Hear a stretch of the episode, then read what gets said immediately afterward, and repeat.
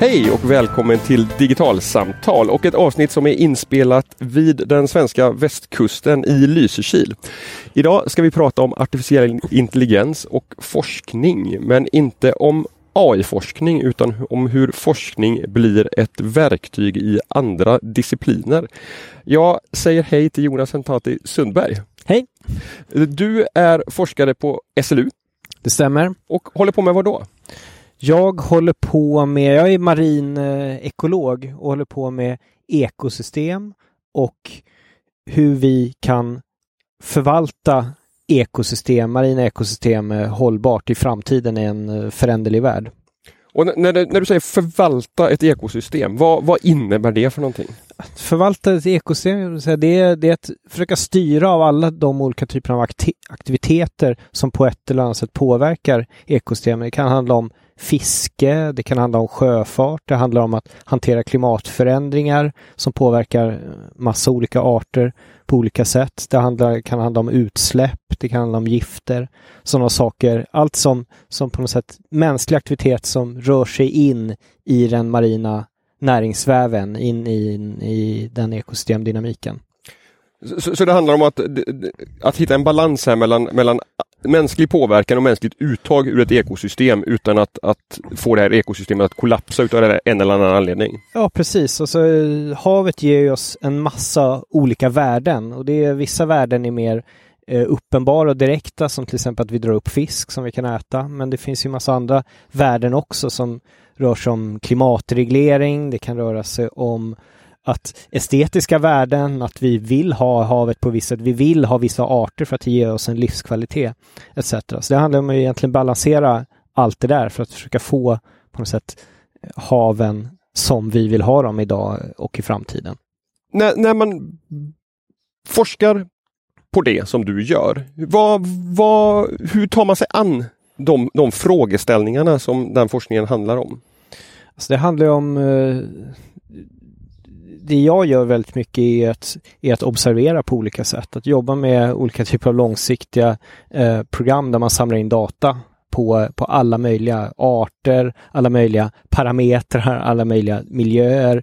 Titta på förändringar över tid, titta på förändringar i rummet och försöka kan säga, förstå dynamiken i, i de här systemen och sen koppla det ihop med hur olika påverkansfaktorer förändras och hur, hur, hur det här helt enkelt växelverkar och, och, och samspelar med varandra.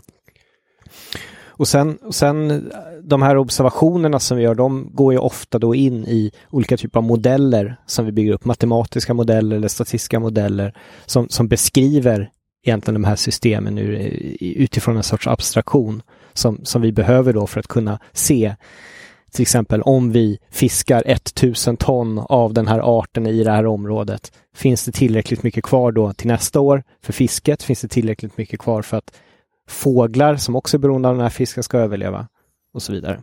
Så i, i tidigare avsnitt som jag har gjort, då har jag pratat, eh, haft gäster som kommer från till exempel tillverkande industri som, som pratar om begreppet digitala tvillingar där de har en fysisk fabrik och sen ska de göra en digital representation utav det. Skulle man kunna hävda här att det ni strävar efter är att bygga en, en digital tvilling utav ett, ett, utav ett naturligt ekosystem? Ja, det tror jag. Det är definitivt det vi försöker göra hela tiden som forskare och liksom använda de här abstraktionerna för, för att helt enkelt kunna utvärdera och för att analysera och för att bedöma, är det vi gör eh, det korrekta eller mm. finns det andra sätt, eh, sätt att göra på det? Så det, det, är en bra jämförelse. Och i ditt svar här så an, antyder du att det handlar om stora datamängder. Och SLU är också en av de pa, äh, akademiska partner som, som är partner i AI Sweden. Uh, vad, vad, vad, är det för typ av nya verktyg som, som du i din forskning har sett ett, ett behov av att börja använda här?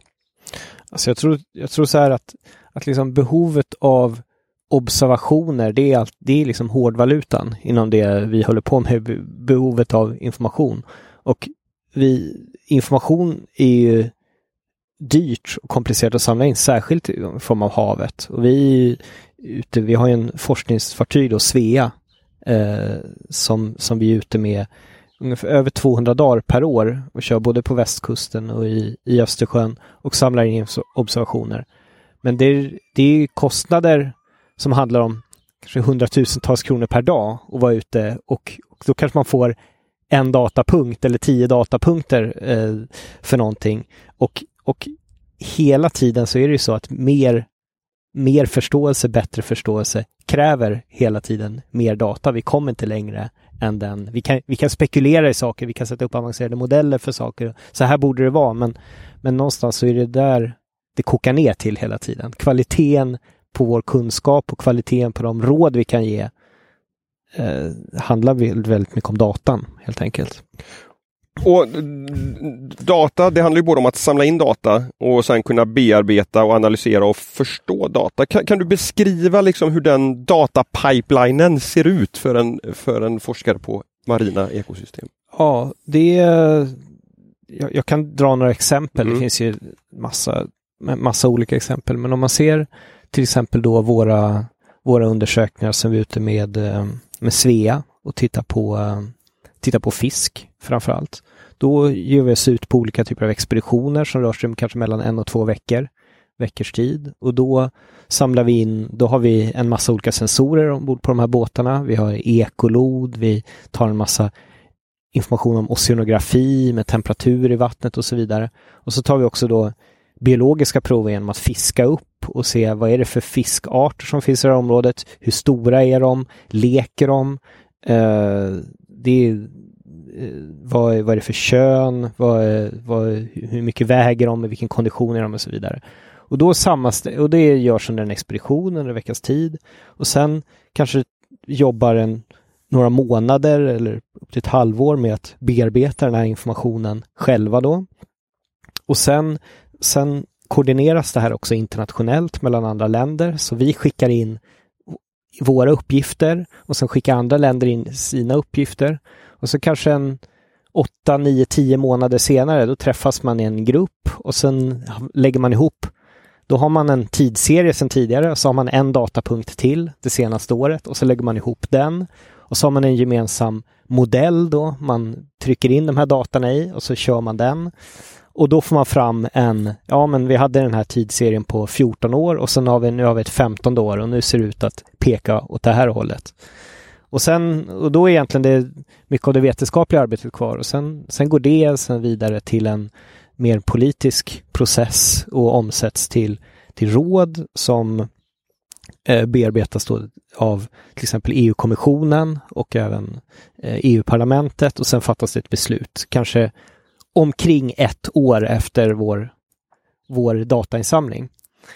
Så det, är, det är en väldigt så eh, på ett sätt avancerad och, och rätt cool process som är koordinerad med massa länder, görs på ett standardiserat sätt och genererar någonting som är på sätt och vis väldigt robust.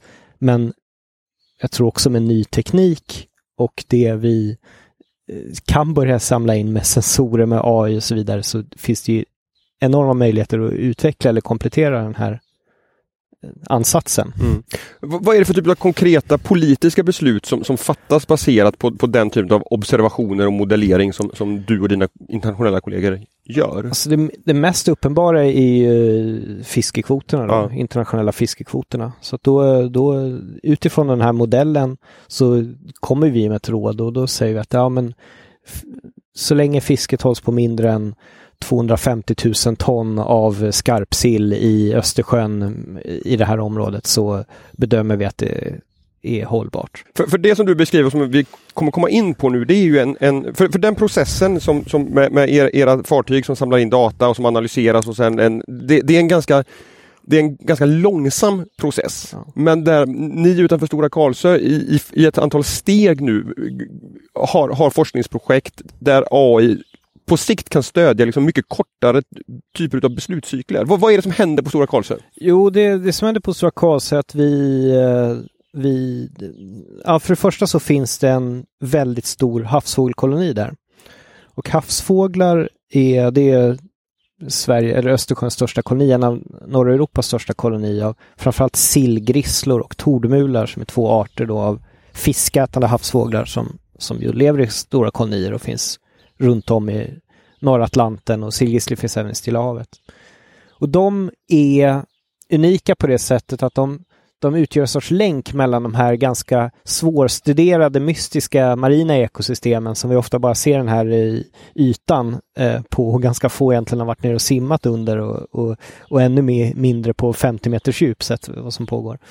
De är länkar liksom det ekosystemet med land och kommer upp och kommer tillbaka till samma ställe varje år och blir på något sätt en sorts lite av en nyckelhål till, till att förstå den här dynamiken.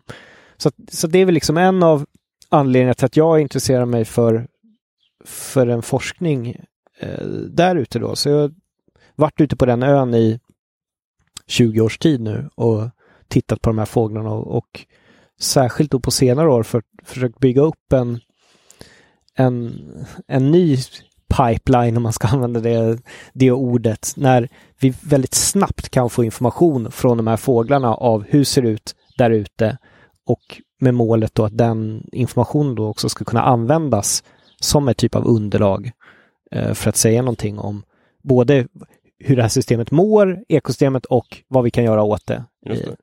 Så, så det, det, du beskriver är egentligen hur, hur den här kolonin med, med havsfåglar, med, med sillgrisslor och tornmular bl, blir ett sätt att från land och på ett, liksom på ett begränsat ställe göra observationer som blir en proxy för hur det, liksom, ekosystemet under havsytan egentligen mår. Ja, egentligen om man, om man ska sträcka sig ännu längre kan man säga att fåglarna blir en sorts sensorer i sig själva. Ja, De blir en mm. sorts biologiska sensorer som liksom drar ut Dels, alltså, vi kanske pratar hundratusen fåglar på den här lilla ön som flyger ut fyra gånger per dag och gör provtagning av havet här utanför. Det är liksom en enorm information egentligen som de här, där vi kan se då exakt vart de flyger, hur många dyk behöver de göra för att få tag i en fisk? Hur djupt nere finns den här fisken?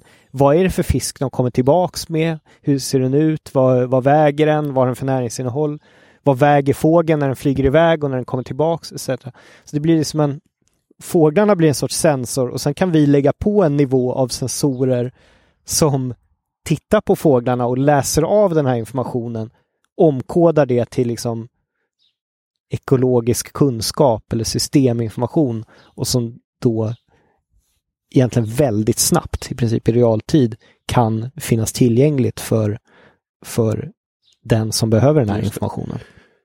Du, du, beskriver ju att de här fåglarna blir, blir kan bidra med flera olika typer av mätvärden. Eh, vikt på sig själva, eh, flygsträcka, antal dyk, djup på dyken och så vidare. Vilka, vilka, vilka möjligheter har ni att faktiskt utnyttja de sensorvärdena? Hur, hur samlar ni in dem? Alltså det, det, det, det andra man kan säga att det, de här fåglarna finns ju också runt om i världen. Mm. Så att de, sillgissla är en sån här väldigt studerad art bland, bland havsfåglar. Så det finns liksom eh, långtidsstudier i Kalifornien, i, på brittiska öarna, i eh, Norge på just den här arten. Så det blir också en sorts system mellan system. Och vi, kan, vi vet ju redan idag att Östersjön som vi då är i är väldigt unikt på många sätt. På de flesta håll just nu så går det superdåligt för. Mm. På, men, men här går allting uppåt så att det på en väldigt grov nivå blir den liksom en indikator av kanske hur havet mår om, mm. man, kan, om man kan säga så väldigt eh, eh, generellt. Men, men som sagt att det vi då utvecklar just nu är det där hur man omsätter sensor, ska man säga, fågelinformationen till, till något annat. Då använder vi, det vi använder mest det är egentligen klassisk kameraövervakning. Så det är liksom övervakningskameror där vi har tränat nu eh, AI-modeller för att identifiera fåglar och vuxna fåglar och ungar och ägg på en massa olika sådana här fågelhyllor. Eh, så, att, så att vi kan då direkt se, ja nu är det sju fåglar här, nu flög den iväg, nu kom den tillbaks, där, där står ungen, nu växer ungen till så där mycket från dag till dag. Där försvann det ägget och så vidare. Som blir det där. Fåglarna är ju där för att lägga ägg och föda mm. upp ungar. Annars resten av tiden är de ute till havs. Så att det blir ju så att det är, det är en av de stora sensorerna. Och sen har vi andra typer av sensorer som vi kan sätta på fåglarna. Som eh, bland annat då tryckmätare som mäter hur djupt de dyker och, och hur ofta de dyker. Och även olika typer av positionssändare, till exempel GPS då, som man sätter på ryggen så man ser vart de flyger runt någonstans. Och från och med i år kör vi också extremt små videokameror som man sätter på ryggen på dem. Så vi kan se hur de simmar ner genom vattnet och ser vilka typer av stim de eh, fångar eh, etc. Men det, det, här har ni tagit i flera steg för att, för att det du beskriver nu är att ni har en, en tränat AI-modeller som kan identifiera specifika individer. Men ni började med att, att överhuvudtaget kunna identifiera fåglarna, i, alltså så här, ja. Fågelarten. Ja. ja, precis. Man kan väl säga så här att det som är individer, det är ju fortfarande frontlinjen kan man säga, där, där vi är just nu. Jag kan mm. inte säga att vi, vi kan göra det, utan vi började helt enkelt med att så här, kan vi få en algoritm att känna igen en sillgrissla mm. eller en sillgrisslunge? Och det visade sig vara ganska, ganska enkelt. Uh, det är enkelt för våra ögon, så det är inte så konstigt. Däremot så är ju de otroligt lika uh, till utseendet. De här, vi ser ju ingen skillnad på de olika. Däremot vet vi ofta ungefär vilken det är för att de kommer tillbaka till samma ställen. Så om de har ägget i hörnet där ah, så vet det. vi nästan, mm. ja det är den, mm. och det är den kan vi gissa oss till. Sen den andra delen är att, och här är det ju hur det kopplar ihop med liksom den traditionella tekniken, att vi har hållit på i alla år, faktiskt, nu ska jag inte säga vi, för att det, det har ringmärkts tillbaka till 1913, sådana här mer klassiska ringmärkningar, de här fåglarna. Så att väldigt stor del av den här populationen är också kända av oss sedan tidigare. Mm. Och med de här små ringarna som vi då har satt på i alla år så ska vi, bör vi nu håller vi på precis att se om vi kan läsa av och känna igen de här exakta individerna faktiskt. Så vi kan veta, ja men nu kom AAX 978 tillbaks här och den har varit borta så många timmar eh, och, och den har nu växt till så här mycket. Den har ätit sannolikt 12 fiskar för att den har ökat 45 gram sen, sen på de senaste åtta timmarna. För det finns även vågar då, det glömde jag säga. Det finns vågar integrerade i det här systemet också, där fåglarna går ut och väger sig själva och eh, där vikten loggas då. Men, men den, här, den här förmågan att, att använda ringmärkningen, är, är, det, är det en mer högteknologisk form utav, utav ringmärkning som, som ni tittar på? Eller, eller är det kameraavläsning för att identifiera? Liksom... Det, det är kamera, avläsning att identifiera ringnumren. Just det, enkelt. precis. Ja, så att det blir ju istället för att vi, vi är ju redan nere där sedan alla år och noterar varje dag de vi ser. Men mm. vi har ju kanske en 40 sådana här fågelhyllor som, som vi följer då och och så står det 5 till 10 upp till 15 fåglar på varje. Så att man kan ju lägga kanske några minuter på varje hylla varje dag. Men om man då med AI istället börjar läsa av, då kan man läsa av alla de här individerna hela tiden. Så man får liksom totala biblioteket istället för bara snapshots som, eh, som dagens teknik kan För, för, för det, det, det, som du säger nu på, påminner om tidigare intervjuer som jag har gjort också som, som visar på hur, hur ny teknik förändrar skalan på hur, hur den akademiska forskningen kan göra observationer. Att man kan gå från att, att göra enstaka stick, stickprovsanalyser eller observationer till att liksom hålla ett, en, nästan en realtidskoll på vad som händer i ett system. Vad, liksom här, vad, får, vad får den här, liksom så här förändringen i skala och omfattning för, för konsekvenser för den kunskap ni kan, ni kan skapa, den förståelse som ni kan skapa? Alltså, det det, är ju egentligen, det är knappt så jag kan överblicka det egentligen. Mm. I början på, på, på det, så det, det är så många, på, på så många sätt. Jag kan ju nämna några mm. tydliga exempel. Liksom. Ett, ett exempel är att när man är ute och gör snapshots, säg att vi kan, säg att man utan den här AI-tekniken kan lägga fem minuter per dag per eh, station. Då ser man ju väldigt ofta när man kommer nästa dag så ser man, ja det har hänt någonting här. Undrar vad det var som hände. Det är ett ägg som har försvunnit eller någonting. Nu vet vi varför det försvann. För att vi kan se, då, då kan vi titta på, jaha, nej men det var ett, det utlöstes ett bråk här vid 03.15 i morse mellan de där två och det, de råkade sparka till det här ägget så att det ramlade över klipphyllan. Det, det här är en sann historia, det är ofta så det är, visar det sig. ja. Det är ofta kan man säga, oprovocerade bråk mellan fåglar som gör att... att, eh, att eh, men, men, men så att det blir de här ovanliga tillfällena. Ett annat exempel var att 20, vi började med den här kameraövervakningen 2019. 2020 visade sig att det var väldigt originellt allt som hände där ute och fåglarna var nervösare än eh, vad sen tidigare och det var jättemånga som tappade sina ägg och vi förstod aldrig riktigt. Men sen när vi kunde gå tillbaks och gå igenom det här materialet i detalj, då visade det sig att det var, det, det var örnar som kom in tidigt på morgnarna och skrämde de här fåglarna. Och örnar hade aldrig varit i den här omfattningen överhuvudtaget på den här ön tidigare. Och då visade det sig att det i sin tur kopplade till att det var covid-nedstängningen som gjorde att det inte var några turister ute på som Ah, okej. brukade skrämma bort örnarna. Så det var liksom en sån här Kedjeeffekt. flera kedjereaktion som handlade om att det här är en turistö som, där turister går en runda varje dag och då har det någon slags bieffekt att det är inga örnar som vill hålla till där och då utgör därmed turisterna ett skydd mot de här fåglarna. Det hade vi liksom aldrig fått reda på om vi inte hade haft den högupplösta informationen för då hade det bara varit ja, det f- ra- försvinner massa ägg i år, vi har ingen, vet inte riktigt vad det berodde på. Ja, för det är det. sådana här ovanliga event liksom. Och just det, så det blir ett exempel där det här högupplösta har en extrem betydelse för att för faktiskt systemförståelsen. För här förstod vi att det var inte bara, handlar inte bara om sillgisslorna och havet där ute utan det handlar om liksom den här öns dynamik som faktiskt kopplade till oss människor också, hur vi rör oss, hur vi, vi agerar.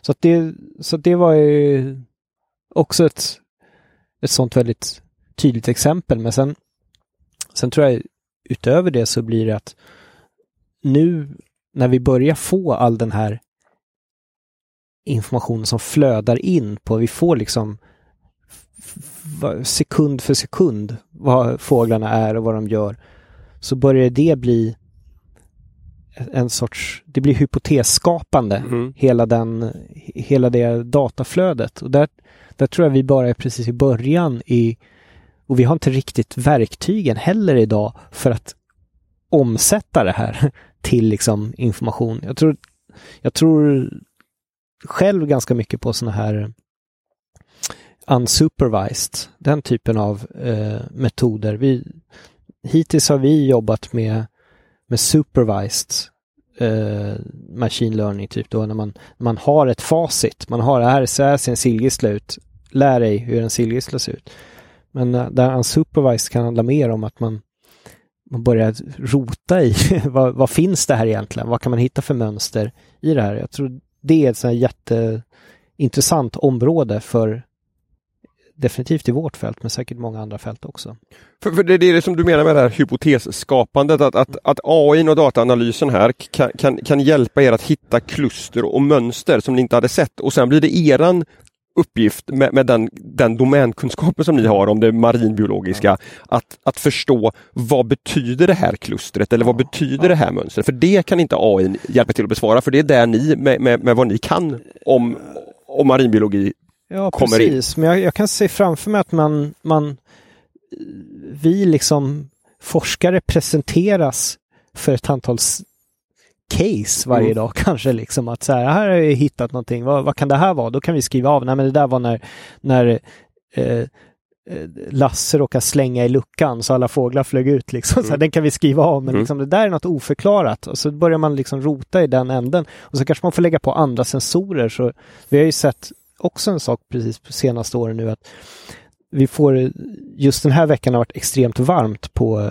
på Gotland och stilla och då börjar fåglarna reagera på sätt som vi inte har sett tidigare just när det blir den här värmeböljan. De, de klarar inte riktigt. Okej. Det är arktiska fåglar egentligen. Mm. Så då har vi börjat köpa bättre och bättre vädersensorer för att sätta upp här på olika sätt så att, så att vi kan börja koppla ihop. Så jag tror liksom att det blir, det blir att det, det, breddas också i form av för att om man får superdetaljerad kunskap på en nivå, till exempel de här fåglarna, då börjar då, börjar, då vill man ha det på nästa nivå, nästa nivå, nästa nivå. Och det är ett annat exempel, är vi, vi har kört nu i fjärde året i rad, har vi en seglande drönare, så en liten Okej. självseglande båt som kör det här området utanför kolonin fram och tillbaks för att mäta också mängden fisk med ekolod. Så att det, och det gör vi rätt så mycket för att vi har så otroligt mycket information från fåglarna nu, men vi behöver liksom omsätta det till kalibrera in, kan man säga, den här Ja, fågelsensorn mot andra typer Så ni av behöver ma- sensorer. ma- matcha upp granulariteten på, på andra delar i ekosystemet. Det går inte att ha så detaljerad information om en del och sen mycket, mycket mer gles information Nej, det ger ju inte lika mycket i Nej, alla just fall. Liksom. Så, att, så att på något sätt så blir det en, det blir en strävan liksom att börja, att, att börja fylla vår, vår, våra modeller eller vår, eh, vår systemförståelse med riktig information på något sätt. För att om man börjar identifiera de här antagandena som man har haft. Liksom. För att eh, alla modeller, om man gör en modell baserad på väldigt lite data, då gör man ju väldigt många antaganden om hur de här... Men sen börjar vi se att nej, vi behöver inte göra så många antaganden vad gäller fåglarna längre, för vi har i princip full information här. Ja, då börjar man liksom se vad är svagheterna i övrigt Mm. i den här systemförståelsen. Liksom. Så att det, det är en enormt eh, fascinerande process att vara inne i, faktiskt, tycker jag, i, i det. För det förändrar liksom det, det, den vetenskapliga ansatsen och förutsättningarna för, för den, liksom så här, det vetenskapliga utforskandet här. Jo, jo det, det, det, det gör det faktiskt väldigt mycket. Liksom, för att det, det, blir, det blir inte ett, liksom ett litet steg utan det blir ett en, enormt steg egentligen som, som vi liksom måste börja tänka nytt. Och det handlar också om, lite grann om vilka kompetenser som vi har i våra grupper och våra forskargrupper och så här. Att vi, vi, det blir liksom ett helt annat behov av kanske eh, datavetare och den typen av kompetenser. Liksom. För att är, om man går en grundutbildning i ekologi som jag har gjort så det här fanns inte på kartan när jag pluggade bara för inte så hemskt många år Och sedan. ni har precis gjort den typen av rekrytering till forskargruppen. Ja, precis. Så vi har ju anställt vår första liksom, AI-utvecklare nu kan man säga och det är förmodligen kanske en, en till in på väg också. Så det, så det handlar om att matcha upp den där kompetensen samtidigt som att vi kan inte släppa vår... Alltså, att förstå hur ett hav fungerar och en art fungerar, det kommer också vara viktigt. Så det, det handlar om att bygga bra grupper där som, som där man ger och tar från varann också. Mm. Men där de, där de nya kompetenserna kommer in med en verktygsförståelse som, som, som hjälper er med domänkunskapen att, att utvecklas i, i er förståelse. Ja, men exakt. Precis så är det. Ja.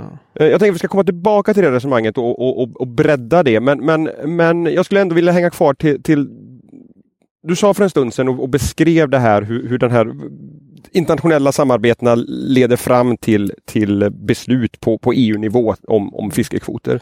Men, men också då om hur, hur den här snabbare, mer komprimerade eh, datainsamlingen och förståelsen som ni, som ni nu forskar på på Stora Karlsö, hur, hur den kan, kan driva en annan typ av beslutsfattande i, i det offentliga samhället. Och där har ni ett, ett, ett projekt ihop med Länsstyrelsen på Gotland.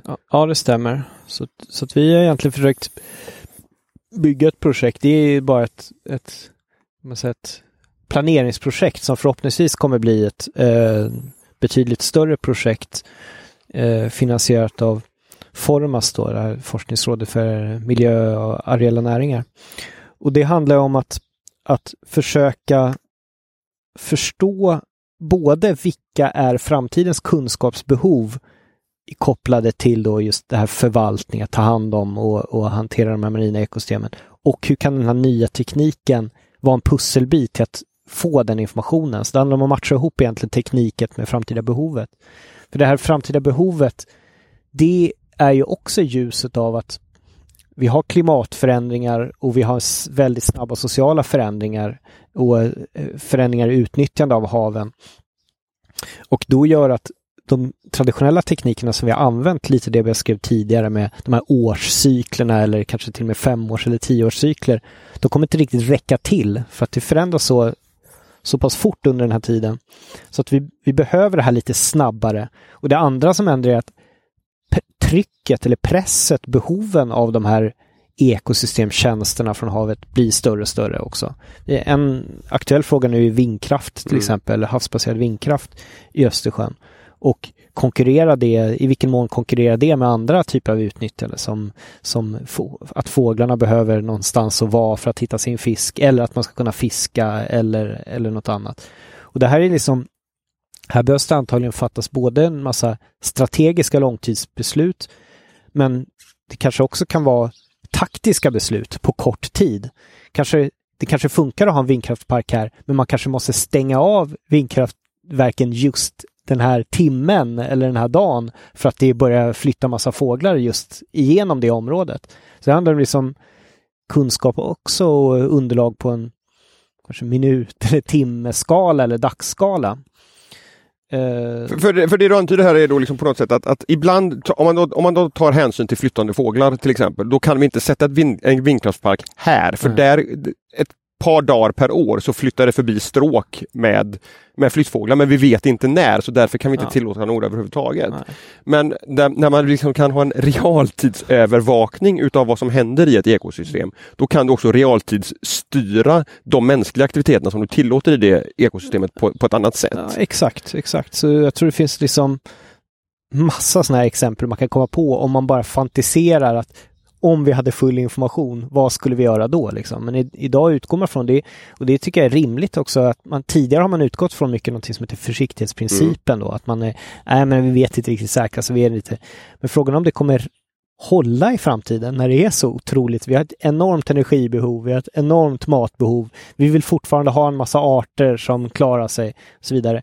Då, till slut tar ytan slut mm. liksom och då, då kanske man måste vara lite mer ja, kanske om man, om man ska vara lite, eh, alltså verkligen hårdra att man, man driva de här systemen lite hårdare på något sätt. Ja, därför att försäkringsprincipen gör att vi kanske vågar köra ett system på 80 procent utav det mänskliga uttaget. Men, ja. men, vi, men, vet vi lite mer om när vi närmar oss en tipping point eller något sånt där, då kanske vi kan driva det till 90 procent ja. utan att egentligen sabotera ekosystemet. Både det, men sen också är det här, det här blir metoder för att experimentera mm. också. Att kunna jobba med de här lite mer dynamiskt, lite mer på mindre mm. skala och så vidare vi har mycket bättre information. Vi kan testa faktiskt. Vi kan testa, vi kan testa effekten av olika saker. Så det blir också ett, ett verktyg, ytterligare ett verktyg för att öka kunskapen om den här mer socialekologiska dynamiken mm, säga, mellan mänskligt utnyttjande och, och naturen. Så vad, det här projektet som ni gör ihop med Länsstyrelsen Gotland, vad, vad, vad syftar det till? Vad är det ni ska göra med dem?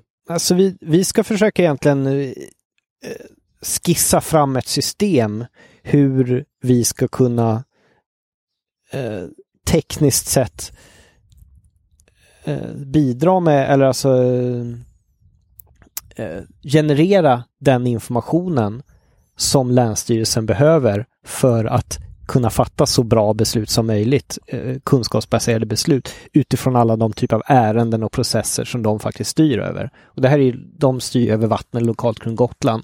Och vi jobbar ju nu både med den här drönaren och även med de här fåglarna på eh, väster om Gotland då, som är ett sånt här område som, där det finns diskussioner om vindkraft, det pågår ett visst fiske, det är en enorm eh, sjöfartstrafik mm. där i rutter mellan Öland och Gotland. Så det är alla de här behoven ska samsas på något sätt.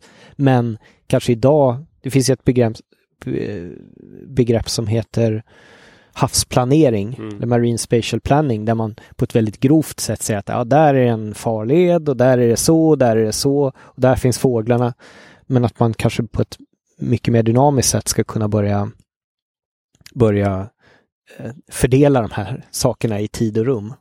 Eh, och baserat på bästa tänkbara kunskap. Men, men från, från ditt, ditt, perspektiv och din, din förståelse av vad tekniken gör möjligt nu och, och vilken typ av slutsatser ni kan dra med hjälp av tekniken. Hur, hur, hur korta beslutscykler är, är, det, är det rimligt att komma ner på? Jag, jag tänker så här, du, du, du pratar om att, att eh, Sillgrisslorna blir en proxy för hur, hur eh, det är med skarpsillsbeståndet. Mm. Kan man tänka sig liksom så här, avlysa fiskezoner liksom så här på timbasis?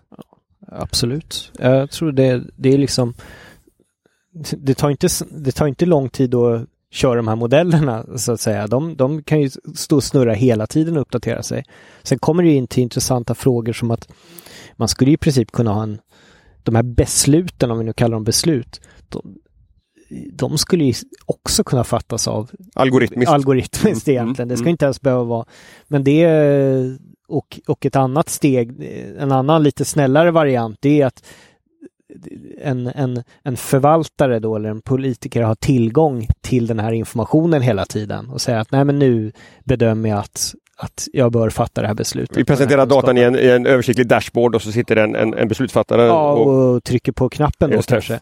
Men det är inte tekniskt sett är det inte dugg svårt. Vi skulle ju kunna se att ja, men vi, i och med att vi har ett jämförelsematerial och vi har väldigt som, mekanistisk kunskap för just de här fåglarna som om att målet var att se till att ja, vi, ska in, vi ska ha så mycket fisk hela tiden här ute i det här området så fåglarna klarar att föda upp sin unge.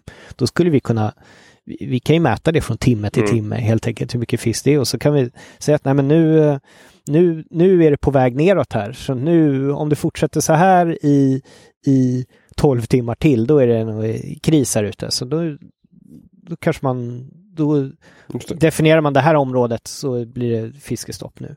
Sen om det är, är rätt skala på eller om det snarare kanske veckor som mm. är mer relevant, det är, det är mycket möjligt. Mm. Uh. Ett, ett tekniskt steg som ni, som ni har tagit nyligen är att ni har börjat använda det som kallas för, för Edge Computing. Uh, det vill säga att, att, istället för att köra och träna modeller centralt, mm. på, på, samla in all data och träna dem på en stor dator, så, så gör ni det nu på, på små datorer på stora Karlsö. Mm. Varför är, är det ett viktigt tekniskt steg för er? Alltså en, eh, en, eh, den största aspekten kan man säga där, det är att vi samlar in, vi har ungefär 50 kameror just nu som mm. filmar fåglar. Och vi har ingen, inget fiber ut till den här ön, utan vi har en 4G-lina bara, mm. liksom med en riktantenn. Och då innebär det att vi, datan måste ju, den gör ingen nytta ute på Stora Karlsö, utan den måste ju någonstans. Mm. Eh, och då är det orealistiskt att strömma all den här datan för att sen sitta med någon eh, molntjänst och göra beräkningarna. Utan då är det mycket enklare att Eh, optimera de här modellerna som vi har då för att köra lokalt på små och även energieffektiva enheter och sen streamar de bara den relevanta informationen.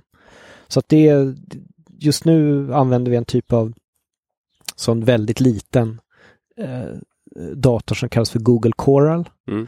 Som, som klarar av faktiskt att köra de här modellerna som vi tidigare har kört på väldigt avancerade sådana grafiska eh, beräknings eh, Eh, datorer ganska effektivt. Och så skickar den just eh, siffrorna bara.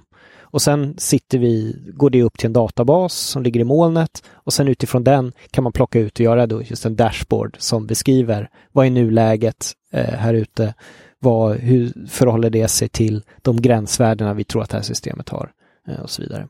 Så det här ser man en tydlig liksom, teknisk utveckling som är en förutsättning för att man ska kunna förvalta de här ekosystemen på det sättet som du, som du skissar på? Eh, absolut, Den, det, det, är en, en väldigt viktig del av, av tekniken som behövs, just det här edge, att man flyttar, flyttar eh, liksom beräkningen närmare sensorerna gör tror jag att man kan få mycket snabbare information och det blir mycket mer flexibla system också. Man kan sätta ut sensorer lite här och där på massa olika saker. Det här blir bara ett exempel med de här eh, videokamerorna på fåglarna. Men sen att man, man, man, man samlar den relevanta informationen snarare än rådatat. Liksom. För rådatat är ju ohanterligt mm. på ett sätt. Vi, vi genererar ju åtskilliga terabyte uh, genom det här systemet som det, det, det, betyder ingenting i sig utan det är tolkningen av det, som, är, som är intressant för någon annan. Uh, du, du sa att du, du har ägnat 20 år åt den här forskningen.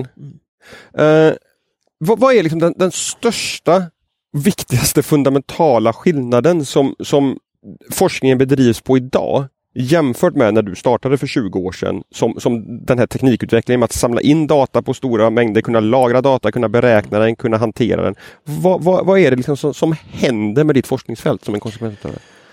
Alltså jag tror det, det stora som händer är att vi genererar inte bara data mycket snabbare utan vi genererar kunskap mycket snabbare mm. genom det här. Så att vi får liksom, vi kan bocka av saker väldigt fort. Eh, tidigare kanske man behövde lägga tio år på att göra en studie när man samlade in och man fick en punkt per år och så gjorde man en korrelation och man tittade på hur fiskbeståndet har ökat och fågelbeståndet har minskat. Ja, hur ser den här och så eh, kommer man in till det här problemet med, ja, är det causation eller correlation, mm. vad, vad, vad det var liksom. Men här, här blir det liksom, man, man kortsluter hela tiden, hela den, det problemet som alltid har varit det stora med de här tidsserierna. Den här, det, det blir på ett helt annat sätt. Mm. För att det blir liksom man testar och experimenterar, man får in information, man får alla möjliga scenarier bara under tiden av en dag eller en vecka mm. liksom. Så, så det, det är väl det stora att vi vi tar mycket snabbare steg mm. mot en bättre kunskap. Mm. Liksom. Vi skulle kunna vi skulle kunna trälat på som vi gjorde tidigare och fortsatt med de här tidsserierna i 50 år till. Och det hade inte varit jättestor skillnad. Liksom. Vi hade vet, vetat ungefär lika mycket. Liksom. Men nu börjar det, och jag ska säga, jag ska säga vi har inte plockat frukterna än, utan vi, vi håller just nu på att bygga upp infrastrukturen för det här nya. Men, men vi vet redan av liksom några små case som vi har jobbat med att det här, är, det här blir helt annorlunda. Vad var det som fick dig att få upp ögonen för de här möjligheterna? Alltså det var lite bakvänt kan man väl nästan säga. För att jag började egentligen med de här sensorerna och så fick vi in så fruktansvärt mycket information.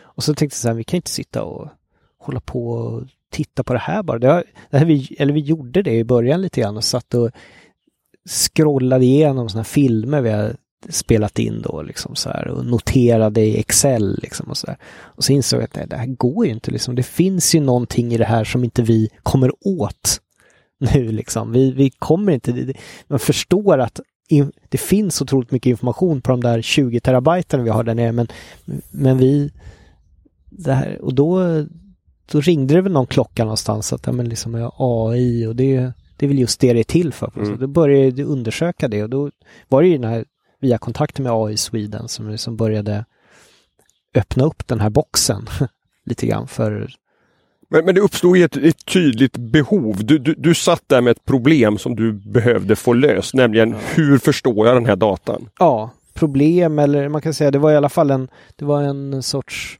Utmaning? Ja, en, en, liksom en, det kändes som en förlorad möjlighet mm. liksom mm. Att, att inte mm. utnyttja det liksom. För att jag är jag drivs av nyfikenhet liksom mm. och det är därför jag åker ut till Stora Kase flera gånger varje år för jag vill veta vad som pågår där ute. Liksom. Mm. Nu behöver jag knappt åka dit för nu har jag allting i en app liksom och så går de där datorerna snurra. Nu är det bara att se till att nätverket är uppe men, men det är roligare att åka dit, uppleva det på plats och fundera på vilka nya sensorer man kan sätta Absolut. upp eller förbättra teknologi. Ja.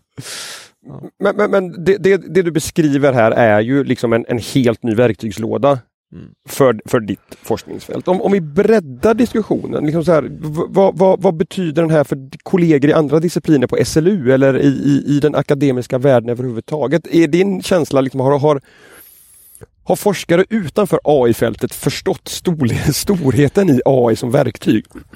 Alltså jag är, jag är långt ifrån den enda såklart som har gått igång på det här Nej. och sett möjligheterna men, men det finns ju många också som är som som kör på som ingenting har hänt och det är, det är också delvis kopplat till att mycket av det vi gör på SLU till exempel, det är ju eh, eh, bygger på standardiserade protokoll, kanske internationellt överenskomna protokoll, hur man samlar in information. Det ska stötas och blötas i, i kommittéer och arbetsgrupper för att komma fram till Så att det, det finns en, en sorts tröghet i systemet också som, som är att så man kommer behöva ha både och under en ganska lång tid. Men sen, jag, jag kan inte tänka mig att, alltså i alla fält där man jobbar med, med data och på SLU är det är extremt mycket datainsamling mm. som pågår och mycket datainsamling som sker också på ett ganska avancerade sätt med, med olika typer av sensorer. Att, att det finns enorma vinster med det här och jag, och tror vilket system man än håller på med liksom, eller, eller fråga eller art eller miljö eller någonting så, så, så finns det ju extremt mycket att lära sig av det här. Det är ju mm. helt uppenbart.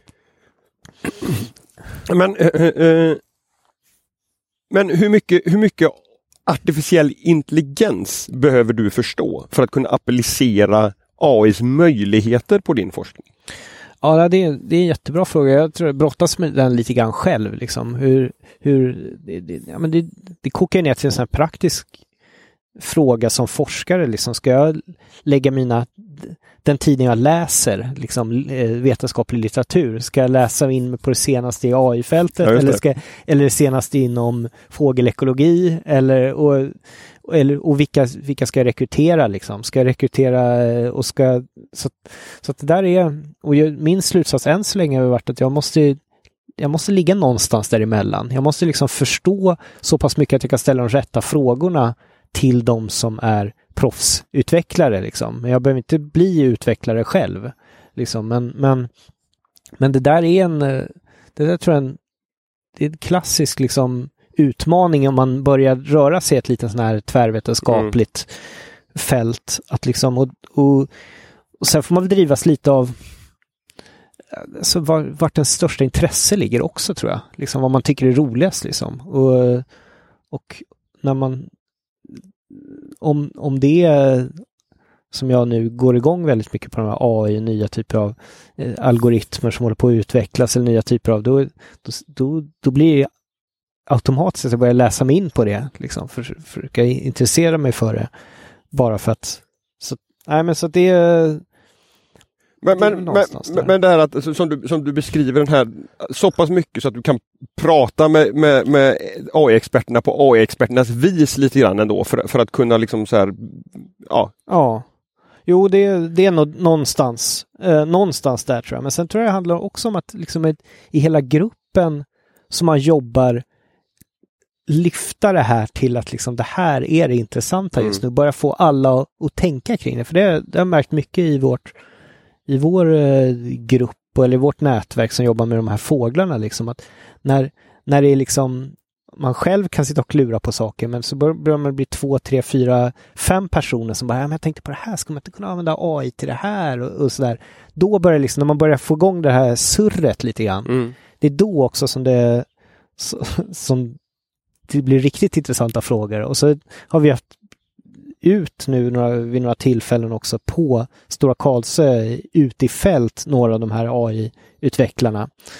Och då blir det liksom enormt spännande dynamik liksom att sitta i det där rummet och sitta liksom i man känner doften av fågelskit samtidigt som liksom de här eh, processorerna snurrar igång liksom. Och det, det, blir, det blir några enormt intressanta situationer där som, man, som är svåra att få någon annanstans mm. tror jag.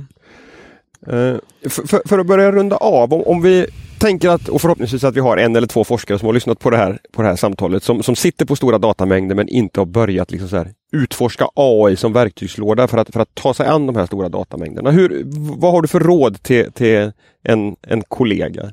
Att, hur, hur börjar man approchera det här området? Alltså dels så handlar det om att hitta några bra personer som, som kan hjälpa en igång lite grann. Och där har ju AI Sweden varit väldigt till stor hjälp för mig. Eh, stöd liksom. Vi började med ett hackathon då, och då fanns det tekniska experter kopplade till det och det var, de var ett nätverk ut gentemot studenter som var med i hackathonet med tekniska studenter som inte vi har på vårt universitet. Så det var det, det är väl en stor grej och sen tror jag att Eh, ett annat råd är väl att inte börja i liksom ett superprojekt utan börja i något rätt enkelt som antagligen man kan hämta hem rätt fort för att få lite råg i ryggen och kanske möjlighet att ta nästa steg, söka pengar eller någonting. Liksom. För att det är, man kan ju tänka ut de mest fantastiska supersystem eller superprojekten. Alltså vi, inte om det är typiskt ekologer, men ekologer eh, som jag är då, vi, vi gillar att tänka stora system liksom och så här zooma ut väldigt mycket liksom. Men, men jag tror i det här fallet så är det ganska bra att vara lite modest mm. i början och mm. börja med något så enkelt som att ja, men kan vi känna igen fågel, eh, en sillgrissla på en film liksom. Och det, det kanske inte jag trodde från början att det här kommer inte ge mig någonting rent vetenskapligt. Det är väl bara en steg på vägen. Men så visade det sig att bara det var ju rätt fanns jävla massa information i det där. Eh, och vart sillgisslan går fram och tillbaks på en gånger en meter. fanns jättemycket information i den, i den liksom ganska enkla, enkla nästan meningslösa detaljen kan man tycka liksom. Men, men i och med att man får det på en sån skala som mm. man får där liksom med ja, vi har ju liksom 25 bilder per sekund liksom precis för detaljerade rörelsemönster. Då, då börjar det liksom generera helt nya saker som vi skulle aldrig kunna legat med papper och penna och skrivit ner all, all den här informationen. Så, så på så sätt så det som är kanske banalt nästan i, i AI tror jag kan öppna upp något ganska stort inom det fält man tillämpar det på. Uh, artificiell intelligens är komplext, marina ekosystem är komplext, uh, styrning utav mänsklig användning av uh, ekosystem är komplext. jag känner att här finns det stor risk att jag missat att ställa en eller två viktiga frågor. Finns det liksom no någonting i den här komplexa materian som du tycker är viktigt att, att nämna som vi inte varit inne på? Um... vad ska man säga? Jag tror lite det jag sa, sa nyss, att det är, man kan bli överväldigad av sina egna idéer ibland också, liksom att bara så här, koppla ihop det och det och det, det blir liksom supergrej och sen, och sen kanske det är ganska lätt att misslyckas med den där supergrejen, men, men om man, om man liksom börjar och, och på ett lite mer nyfiket sätt eh, så tror jag att de där kopplingarna börjar uppstå liksom någonstans. Så ser man det och så kanske det inte är så, så eh, fruktansvärt svårt att göra någonting ja. och så leder det till någonting annat och så börjar någon annan tänka för att det om man Problemet också med det, särskilt i det jag håller på med, det är kopplat till politik, det är kopplat till förvaltning och så vidare.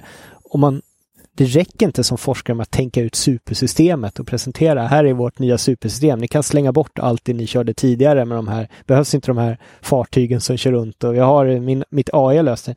Det är ingen som kommer bry sig ändå liksom, för då blir det mer en galen vetenskapsman liksom. Som har, så att jag tror man, där får man ha någon slags ödmjukhet mm. eh, också i, i allt det här och försöka liksom genuint intressera sig både för då AI i mitt fall och genuint intressera sig för vad finns det för kunskapsbehov hos samhället till exempel här. Som, och hur kan jag hitta min liten eh, nisch i det ekosystemet eh, mm. som forskare. Det är väl kanske så mitt, mitt råd skulle vara om man ska ge sig in i något sånt här. Mm. Spännande. Jonas, stort tack för ett samtal om AI som ett verktyg för snabbare kunskapsbildning kanske man kan, kan sammanfatta det med. Mm. Och till er som har lyssnat, vi hörs igen snart. Hej så länge!